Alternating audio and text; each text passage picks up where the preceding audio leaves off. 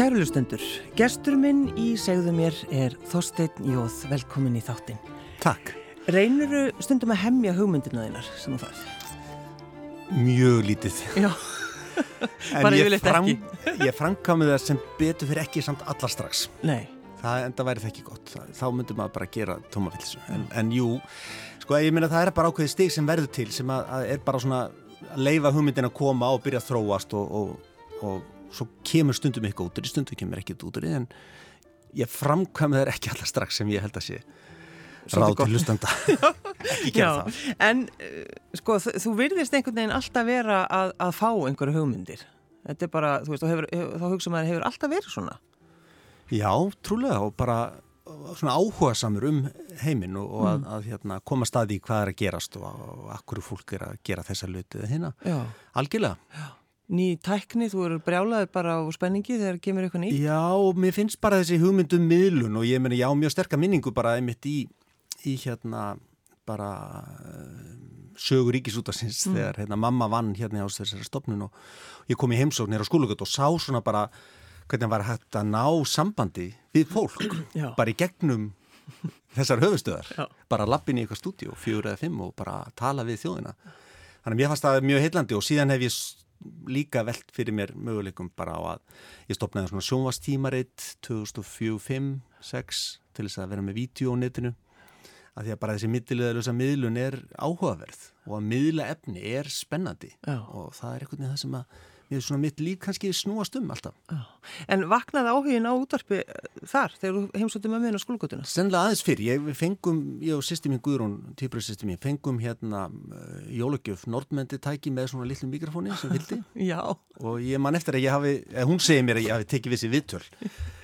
Ég man ekki eftir því en hérna það hefði sennilega verið eitthvað svona, eitthvað, já, hvað segir gott og eh, eitthvað svona viðtöl, Já, já, bara já, spjall, en, já. en, en ég var nú búin að vera að taka upp og eitthvað svo leiðis en, en, en að fara að vinna við þetta, miðla efni, starfa í fjölmiðlum, það sá áhugi kom alveg öruglega þaðan Já. frá, frá útvarpinu. Já, einmitt. En einmitt, þú getur, mannstu hvernig það leit út tækið? eh, Þetta sem þú fegst í Já, já, já, já, algjörlega, algjörlega. og Það er hérna- margir einmitt sem kannast við þetta.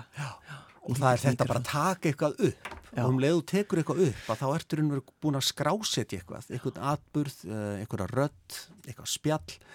Og ég til dæmis þegar ég var að vinna svo uh, setna á rás 2 og aðeins fyrir rás 1 að þá tók ég allt upp á kassetur, fyrst vorum við nagran eins og mannst, svona Mhm. þú drakk band og hérna, maður notaði það og svo kom kassetutæki og uh, vorum með svona lítil Sony-tæki sem við tókum upp á og það var eitthvað sem að ég hérna, gerði mjög mikið af. Var að þvælast með þetta út um allar koppagrundir og í útlöndum og hér og þar. Og ég á allar þessar kassetur þannig ég geimi, ég hef alltaf gengt allt sem ég hef tekið upp, ekki að því það sé svo sérstaklega merkilegt, en það er þessi heimild samt sem áður sem maður ítir á, á allt í einn á play og þá ertu bara komin í huganum til LA 96 eða í Suðusveit til Torfa og Hala ykkur tíman 1700 súrka Já, já, já. og þetta er svo aðlaðandi finnst mér En þegar til dæmis, þegar þú finnur einhverja svona gamla spólur og ferð að hlusta, að þá kannski kom einhverjar minningar, kannski einhverjar sárar, óþægilegt. alveg, alveg öruglega, það bara setur þið algjörlega á staði Já, þarna leið mér Já. vel eða þarna leið mér Já. mjög illa. Já. Og við heyrum þetta oft þegar við, við hérna, heyrum gamlar upptökur spilaðir í fréttum eða eitthvað svo liðs að þá förum við bara aftur í tíman aftur á staðin og personan sem kannski löngu látin eða verður umveruleg og þannig þetta er auðvitað bara já, þetta, er gott þetta er spennandi. Þegar þú fóst allt í hérna að tala um slippin, Þorsteinn Jóð, þá hugsaði ég, hvað er hann núna að gera?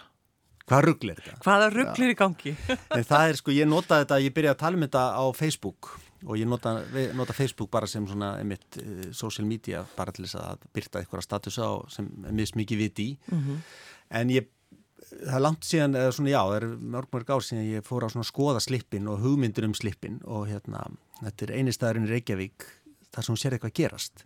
Skip kom inn, þau eru löguð þau fara út, ný máluð bara og strókin og þess vegna fór ég svona þess að hugsa um sko þetta, já þess að hugmynduslippin og hvað ég geti gert við þetta. Og það búið að taka langan tíma að komast að því að það væri hægt að gera eitthvað, eitthvað við þetta. En, en þessi slipur og ég fór að henda þessu bara inn á, sem svona statusar á Facebook. Já. bara til þess líka að hjálpa mér til þess að hugsa þetta betur.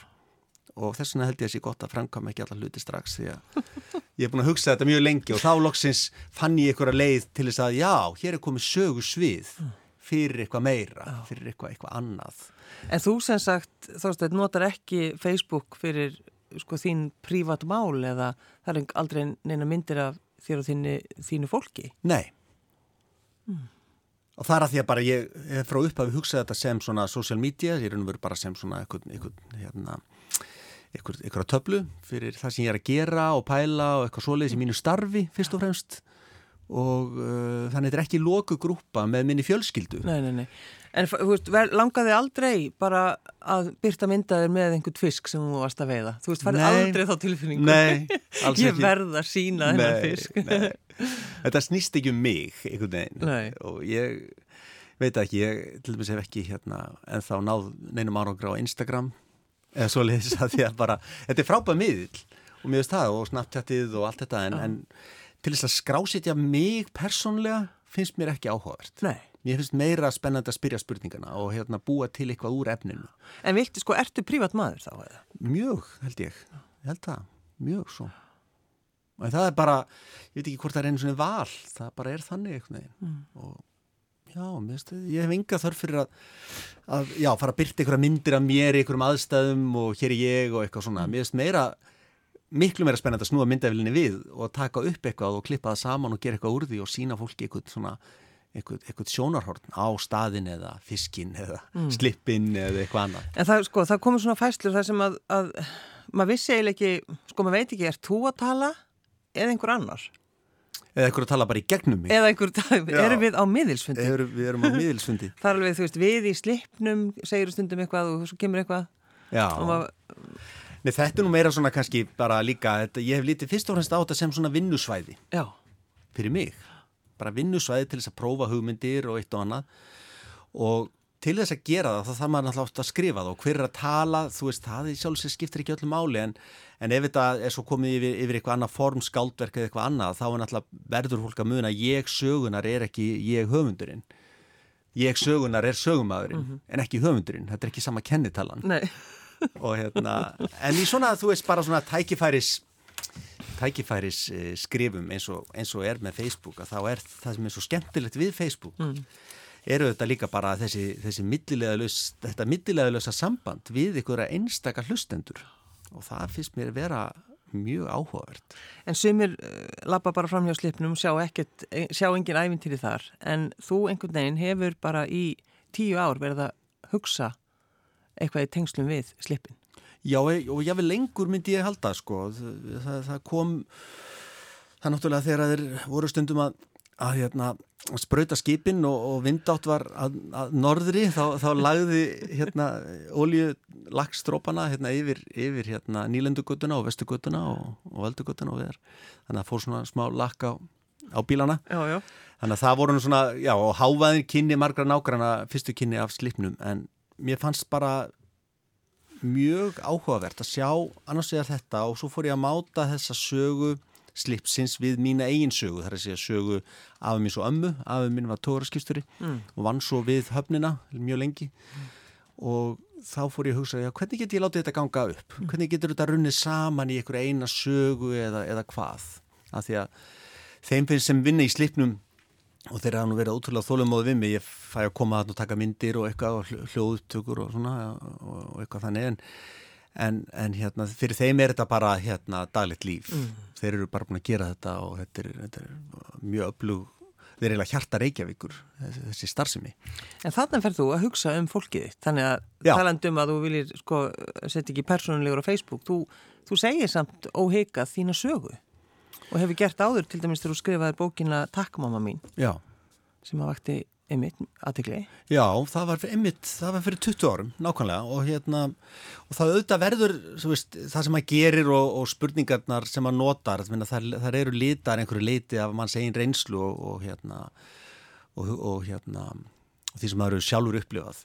Mér finnst þess að mikilvægt að búa til eitthvað úr því, og bókin Takk mamma mín var þetta mjög persónleg, Já, og hérna um samband mitt við mömmu og svona hvernig þetta hefði allt verið og gengið og, og svo leiðis og svo er þetta nýja verk sem ég er að, að vinna núna er, er hérna sömu leiðis svona einhver, einhver leið til þess að, að tengja saman þessi ólíku sögusvið. Þannig að sögusvið þess, þess verks er slipurinn, inn í það koma raunverulegir atbyrðir úr, úr hérna, minni fjölskyldu og, og, og þá mínu lífi og svo er fullt af skáldskapana líka. Þannig eins og þegar þú ert að lesa statusuna á Facebook, þá vistu bara ekki alveg í raun og veru hvað er í gangi, hver er að tala. og það er mest spennandi. Já, það er að setja hlustandan eða lesandan í smá vafa og leifa honum sjálfum að draga bara sína eigin álítanir og, hérna, og kannski verða fyrir einhverjum áhrifum eða, eða vilja gera eitthvað öðruvísi í sínu lífi ef hann hlustar á það eða lesa það. Af hverju var ammaðin alltaf að baka?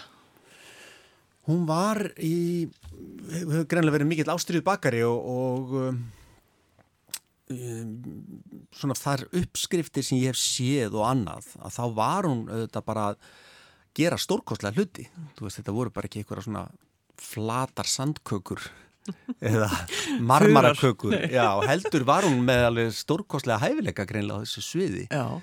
og um, hún var að baka fyrir kaffihús Slipsins, ég veit nú ekki hvað hétt á þenn tíma en já, þannig að hún var í raun og veru að bara að hérna gera það sem hugurinn að stóð til mm. af hverju, ég veit það ekki, kannski mm. til þess að flýja ykkur óþægilega minningar eða bara kannski til þess að fá pening ég veit það eða ekki mm. En að þú talar ef við fyrir maður tilbaka eh, með söguna þína eh, þar sem hún talar við um mömmuðina hún sem sagt veikist mm -hmm. Hva, hvað var það sem kom fyrir? Já, hún fekk sem sagt eh, krabba minn og hérna og, og dór því, 67 ára mm og, um, og það er náttúrulega held í bara allir sem að, að hérna sem að uh, missa fóröldra sína. Ég hugsa að það er bara all ákvöra tímin þar sem þú ert í raun og vera að færast úr stað. Mm. og það færast frá því að vera barnið í að vera fullorðin og sá sem er elstur þá kannski í fjölskyldunni. Og sá tími kalla bara á alltaf að gera það fyrir mig einhvers konar þörf til þess að skilgrina og horfa tilbaka og sjá hvað var í gangi og, og hvað gerðist eiginlega og akkur gerðist það og akkur hafði þetta þessi áhrif og svo mm. framvegis. Mm. Þannig að þörfin til þess að skrifa þá bók kom raunverulega bara til þess að átta sig á því býtu og um hvað snerist þetta. Já. Og þá fann ég bara eitt orð í raun og veru sem að, sem að mér hafst svona rammaði þetta allt inn. Þetta þú veist samband sem að ráfið eins og ég átti við mömmu sem var veist, oft mjög svona stormasamt og, og og hérna og erfitt en það ég náði að ramma það inn í þessa bók uh, takk mm. Að það er nú verið það veganesti sem ég fekk eins og frá henni. Og það er efniðuður sem ég er enna að nota og er að nota í þetta nýja verk sem ég er að vinna núna. Þessi reynsla. Já. þannig að ég er bara rosa þakkláttur fyrir það. En ég held að maður verði á einhverjum tíðapunkti að megas náttúrulega búin að segja þetta allt hundra sinnum að það býður ju allar að staldra við þetta sjálfum sér. Þetta er svolítið þar að maður þarf að taka stöðumat og hérna og skoða svolítið hvar maður er stattur og hvert vil maður halda áfram mm. þaðan og þá er einmitt þegar einhver deyr nákomum manni að það er, það er líka tækifæri til þess að taka þessa stöðu. Já, og hún þurfti svolítið að berjast líka við svona, já, við þunglindi. Já, heldur betur, þunglindi og, og alkoholisma og hérna, og það er svona, eru líka hlutir sem að hún fekk svolítið í, í í hérna veganesti í sínu lífi eh, ekki kannski alkoholismann því það er bara sjúkdómur annarkort er þetta meðan eða ekki ekkert meirum það að segja það er einhverjum að kenna en svo er það bara uppeldi og það sem gerist e, þegar e, eins og hún er lítil hefur gríðarlega mótandi áhrif á hana og svo alla fjölskylduna bæði mig og, og, og sýstu mín aðruglega og svo alla sem er í kringum okkur mm. Hvað var það? Og það er bara þetta líka að, að það gerist eitthvað eitt í fjölskyldum og ég minna, nefndu mér ykkur af fjölskyldu sem er bara með silkiborða og, og, og hérna og allt í góðu, þú veist, það er bara ekki þannig. Það er, það er allt ykkur eh, skonar, hérna, það er alls konar hlutir gangi í fjölskyldum. En það er aðbörðu sem gerist í, í stríðinu þegar hún missir yngri bróðu sinn. Og hann verður fyrir bíl, beint fyrir utan húsi hann við Kaplaskjöldsvei 11 og þessi atbyrju setur svona alla fjölskylduna á hliðin, hliðina. Hann deyir í þessu slísi, þessi ungi drengur fimm ára Jens og þá eftir það fer einhvern veginn allt úr skorðum. Og þetta finnst mér líka mjög spennandi viðfónsefni að hvernig einn atbyrðu getur litað líf allra í fjölskyldunni og svo bara áfram. Þannig að þetta, þetta var semst bróðir ömmuðinnar Nei, þetta var sonur ömmu. Sonur ömmuðinnar, Bróðir mömmu. Og hérna, þannig að það er það er hérna rosalegt og, og ég get ekki bara sett mér þau spór hvernig það er að missa barn en, en hvernig þetta er nú verið í staðin fyrir að kannski eins og, eins og kannski hlutinir eru að fólk fer í gegnum áföll, það gerist eitthvað og það kemur, kemur greiðileg sorg og og svo heldur fólk áfram að sirkja og svo heldur það einhvern veginn áfram lífi sínu og sorgin er aðna en hún stjórnar ekki lífinu mm. en það gerist oft ekki og þegar það gerist ekki þá leggst þetta bara yfir eins og þoka árum og áratugum saman, saman og litar líf allra einhvern veginn. Og ég, þegar ég ólst upp þá bara sá ég mynd, ljósmynda þessum dreng í hillu, í hansa hillu upp á vegg. En í raun og veru vissi ég bara ekkert um þetta sko. Mm. maður horfið bara alltaf á hana fallega dreng og, og bara var svo að reyna að spyrja eitthvað út í þetta og já, hann dó. Næsta spurning. Já, það var bara ekki talað um. Nei, það Nei. er ekki talað um neitt. En samt er þetta, sko mammaðinn misti, þú veist hún... Já, bara opið sár Já, ég meina það, var það sem ég ætlaði að segja. Bara þannig að, að hún bara gæti ekki hugsað sér að tala nei, um þetta. Nei. Og það var hennar leið og ég verði það fullkomlega en, en mér finnst hins vegar að draga tjöldin aðeins frá og skoða þessa hluti og hvaða áhrif er höfðu og annað slíkt. Mm. ekki til þess að fara að dæma hana, þess að það er að segja mömmu mín eða afminn og ömmu eða, eða, eða bræður, bræður mömmu út frá einhverjum hlutum alls ekki, heldur til að reyna að sjá bara hvaða áhrif hafði þetta mm.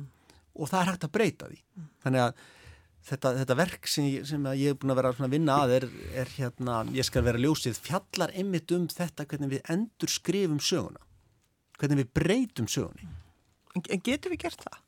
Hæglega. Það er engi vandi, ég skal bara skrifa það fyrir hvernig við ferða því. En það er kvartningin sem mér finnst vera til staðar.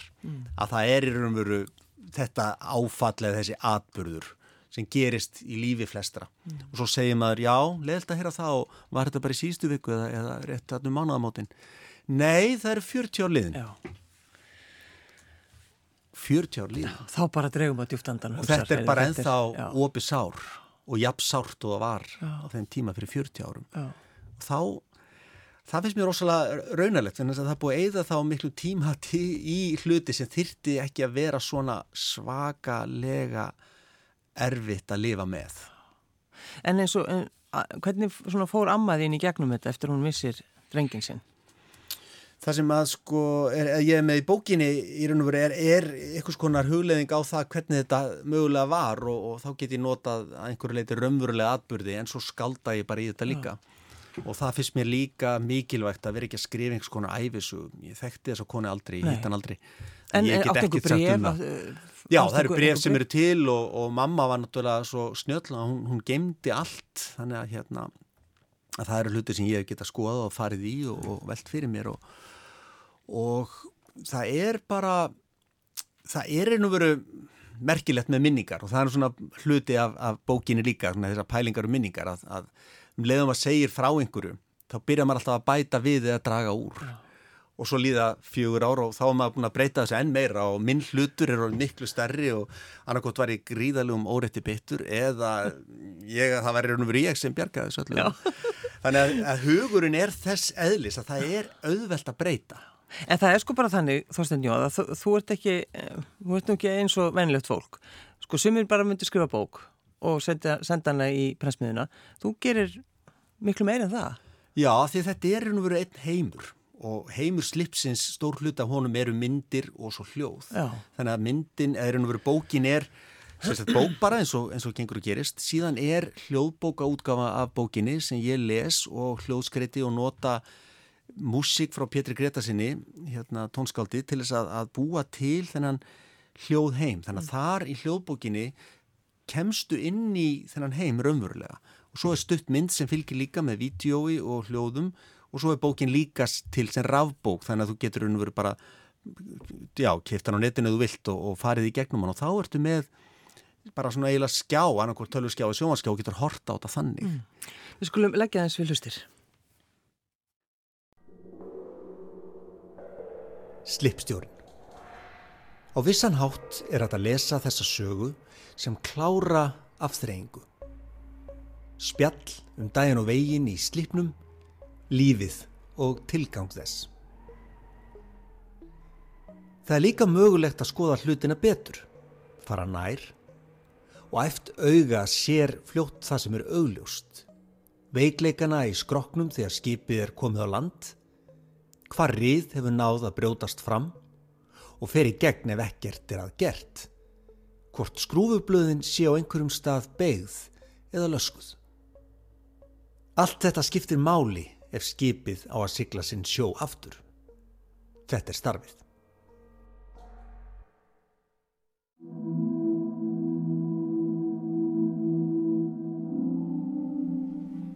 Svo má líka spyrja, hvað kveikir þessa frásögn? Blaðamadur. Hvað kveikir þessa frásögn?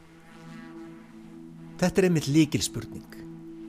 Hvaða ástæða er til að rifja upp gamla atbyrði, allt löngu líðið og allir dánir sjálfsagt sem komið fyrir sögu? Eina sæmilega skýringin sem ég kemur í hug er að allt þetta efni talaði til mín á einhvern hátt. Fortíðin er þeirra náttúru að það er endalust hægt að hugsa um hana. Hvað gerðist? Á hverju gerðist það? Hvað hefði ég geta gert öðruvísi? Hverju er hægt að breyta? Blaðamaður. Það er auðvitað ekki hægt að breyta fortíðinni, því sem er liðið, því sem hefur gerst. Nú, því skildi það ekki vera hægt. Þetta er Þorstin Jóðs sem sittur hjá mér í segðu mér. Af hverju heiti bókiðin ég skal, eða verkið, ég skal vera ljósið? Þetta er, eh, fyrst og fremst er þetta frábær titill og hann er, finnst mér lýsandi við, eða fyrir í raun og veru hugmyndina um þessa leið út og um, mér finnst mikilvægt að kannski að varast að þetta sé trúarleg eh, tenging, það er, eða við þetta ræðið því ekki en, en þetta er ekki trúarlegt að nefnu leiti en þetta er ykkur hugmyndum að það sé leið út úr aðstæðum. Mm.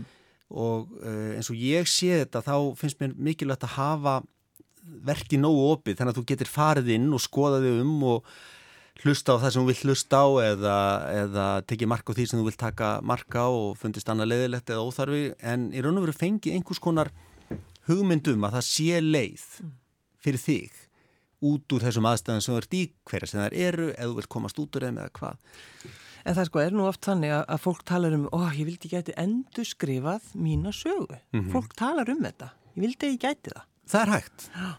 Þú ert alveg, þú ert alveg viss um það. Ég er bara samfærður um það já. og það er, ætlum að gera þetta miklu meira af því mm. bara. Já, já. Af því að þetta er ekki rétt og ég meni ég tek oft dæmi um að, að hérna e, eins, og með, eins og með mömmu mína til dæmis að, að það eru margar ólíkar sögur til af henni og mín saga eða mitt sjónarhald á hana er bara eitt af mjög mörgum og svo hef ég oft hitt fólk sem að segja já, ég manni til mömmuðin og algjörlega frábær og, og það lýsir einhverju konu sem ég kannski tengi ekki alveg beint við já. en er alveg ja, sko sönn lýsing á henni og mín. Alveg ja, raunveruleg. Já. já, og þess vegna eigum við að vera held ég, aldrei óhrætt við að bara móta okkar eigin sögu já. og að nota ímyndunarafli til þess að móta okkar eigin sögu og þetta er notað með góðum árangri í þerapíu líka en En auðvitað, raunveruleikin er bara mjög afstæður. Mm. Það er eitthvað sem gerðis klukkan eitthvað á ákveðinu stað og það hafði þessar afleðingar að fólk var sorgmættið eða reyttið eða glattið eitthvað svolítið. En hvað, er, hvað ætlum ég að gera með það? Það er mitt og mm. það er þetta reyfið af söguna sem við getum endurskrifað og endurmótað. Eins og bara með bakstur, uppskrift sem þú hendir í. Veist, það er raun og veru, eins og segir í bókinni, það er það sem er ekki í uppskriftinni sem er uppskriftin. Já, já það er það sem þú bætir við Já. og svo textið mér seflu upp á, á, á, á hérna, eftir því hvernig, hvernig dagsformið er eins og sagt er íþróttum en, en, já, já. en það er hvernig þú mótar uppskriftina og að því leiti finnst mér þetta að vera gríðarlega mikilvægt að setja ekki bara í áfallinu árum og áratugum saman og tala um hvernig þetta var og, og já, þetta gerðist bara já, mm. og hvað er langt síðan já, það er bara, það er hálföld eða hvaða er mannsaldur heldur að, að, að hugsa okkur, okay, hvað get ég þá gert? Hvað er það sem mig langar til að gera? Og það er auðvitað spurning sem er miklu erfiðar að spyrja sig. Hvað langar mig að gera?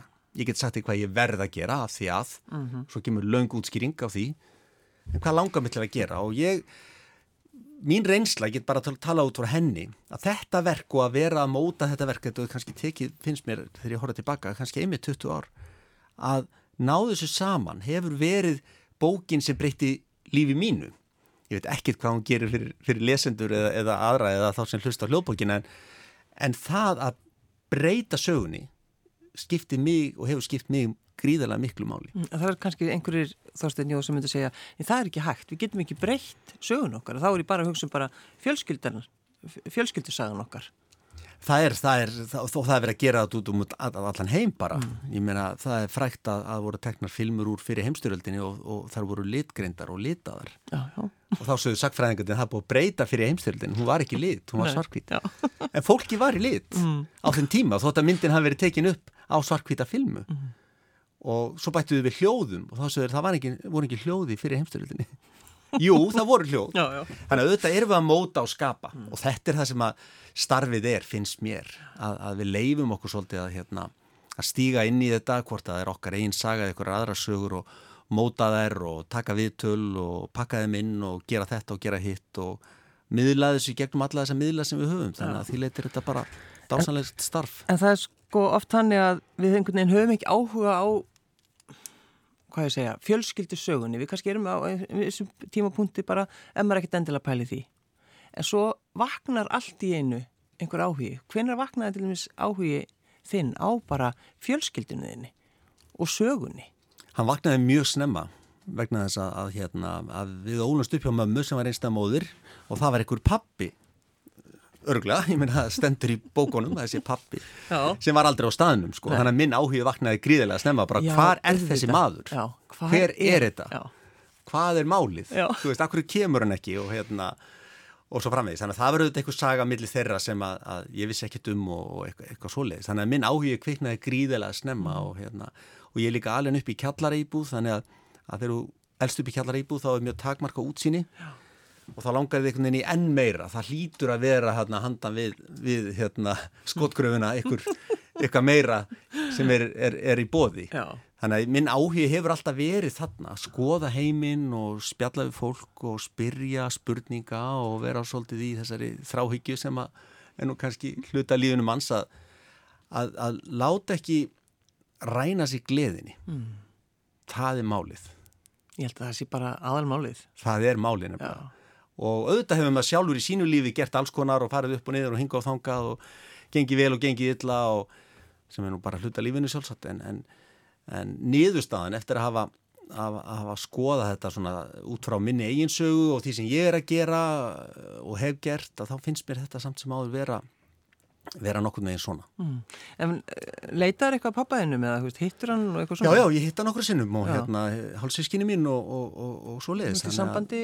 Já, já, og ekkert mál og hérna, og það er sama með hann að, að þú veist mm, ég hitt hann yfir til að hann var hann gamall og saði þá við hann að, að, að, að það hefði verið gaman að kynast honum meira mm.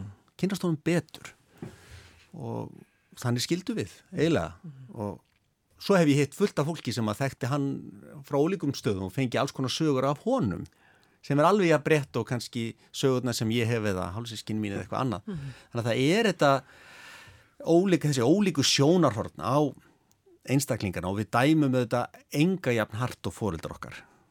Það er fólki sem við erum alltaf mm. veginn verst við í huganum, þú veist, þú erum alltaf já, það geta gert þetta aðeins betur aðeins en þetta er bara vennilegt fólk, eins og við, við erum alveg på okkar börn og, og, og svona að reyna að gera okkar besta einhverju leiti, sko Þegar þú skrifaðir eh, kaplana í þessari bók uh, þá, þú sendir það til, er það ekki, til vinna og Jú, kunningja? Jú, þetta er eiginlega ársverkefni, byrjaði í, í síðasta haust, 5. oktober og endar núna 5. oktober með útgáfu og þá, þá voru nokkri aðlar sem eru svona stuðningsaðlar versins mm. og hérna er að hjálpa mér að fjármagna þetta sem að ég er að vera sendi á ákveðin uh, hóp brot úr bókinni og hljóðbrot mm.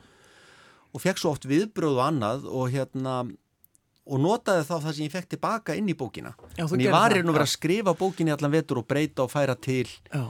og leifa þess að mótast sko, þannig til ég læsti þessu svona formlega núna í, í júli Varstu stundum örmagna yfir þessu öllu? Já, maður verður það auðvitað og hérna og að því leiti að það sem ég finnst alltaf þetta er eins og með þegar maður er að klippa efni fyrir útvarpið að sjónvarpa þetta er verið út að, að klippir fyrstu útgáfu, svo klippur aðra útgáfu svo þriði útgáfu og fjóru útgáfu mm. og alltaf verður og verið að, að stefni sumi átt, þar að segja að, að hafa eitthvað fullmótað gera það aðeins betur, mm -hmm. aðeins að laga aðeins að færa, aðeins að breyta en svo á einhvern tímapunkti verður að læsa klippinu og segja bara hér er punktur.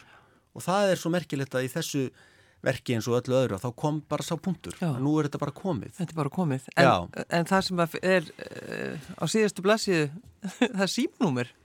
Já, það er bara eitthvað sem verður að, að hérna, fólk verður að láta reyna á og hérna, þannig að það er þetta að, að það er þessi heimur, slipsins og hérna, sögursvið í bókinni. Já. en hljóðbókin er aðeins öðruvísi en prentaða bókin. Mm. Og rafbókin er aðeins öðruvísi en hinn að tvær útgáðunar og síðan er ákveðin svona saga fyrir utan bókina sem fólk verður þá að leita uppi eða, eða langar í meira þú, þannig að þetta er leikur líka að já. merkingu Þannig að þú, þú ert, þetta er símanúmerið þitt eða hvað, má ekki spyrja? Þetta er alls ekki mitt símanúmer og hérna Þetta er bara eitthvað símanúmer sem ég var Já, en þetta er sko, þetta er einmitt þessi leikur að merkingu sem ég finnst vera svo heillandi Ef ég myndi ringja í þetta símanúmer eh, svarar einhver? Það svarar alltaf einhver. Já. Alveg, og einmitt. En það er þetta, já, og mér finnst þetta líka heillandi einmitt að vera ekki bara með eitthvað prentverk heldur er eitthvað meira sem er í gangi fyrir utan mm. og að draga fólk inn í einhvern heim og lifa því sjálfu að upplifa. Það er náttúrulega líka meira spennandi heldur en einhver, einhver, einhver hérna, frásög sem þú verður bara að taka svona frá, frá, frá byrjun til enda. Já, en þetta er náttúrulega kannski svolítið skemmtilegt einmitt að, að við getum bara rauninni valið svona okkar leið til þess að bara upplifa þetta sem þú ert búin að vera vesinast með í öll þessi ár Þetta er kvartning Já. Ég myndi orðaða þannig, þetta Já. er ákveðin kvartning og ekki til þess að eins og, eins og ofbáslega er, er hérna, mikið gert af núna að þú veist að það er svo ofbáslega áhersla alltaf á að láta þið fá svarið mm. Við viljum veist, það. Lausnina, þegar bara hér er lausnin, já, lestu já. þessa bóku, hér er lausnin. Já.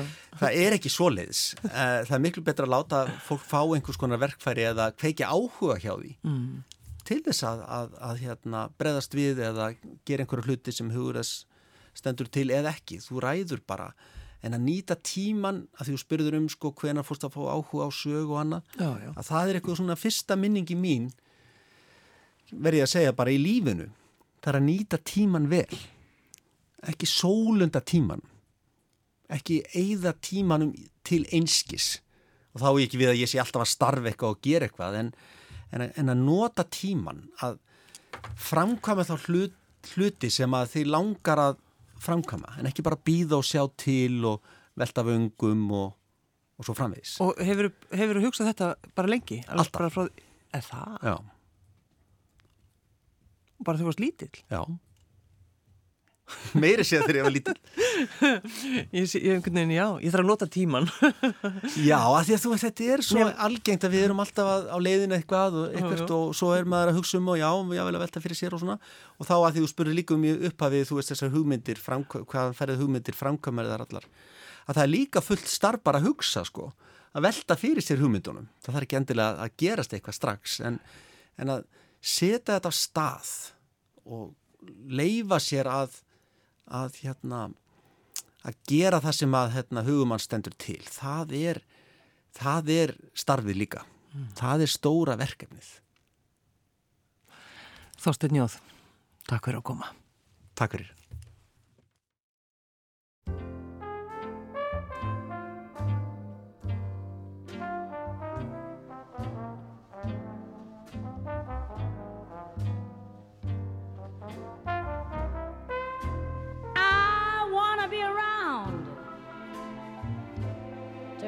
up the pieces when somebody breaks your heart. Somebody twice as smart as I. Mm, uh, somebody who will swear to be true, like you used to do to me,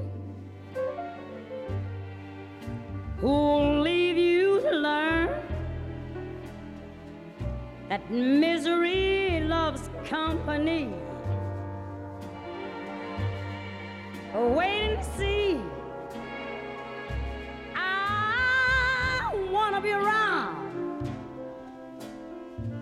to see how you take it. When she starts to play your game, starts handing you the same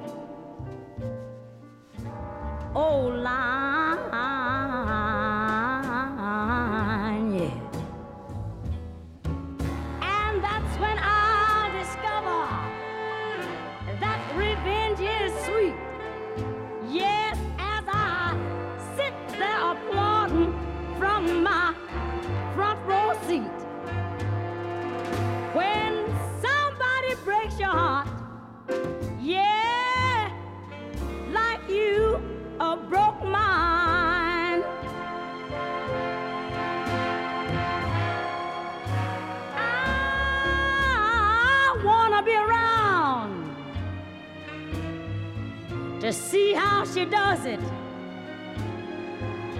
When she breaks your heart to bits. Oh, baby, let's see if the puzzle fits. Mm, so fine.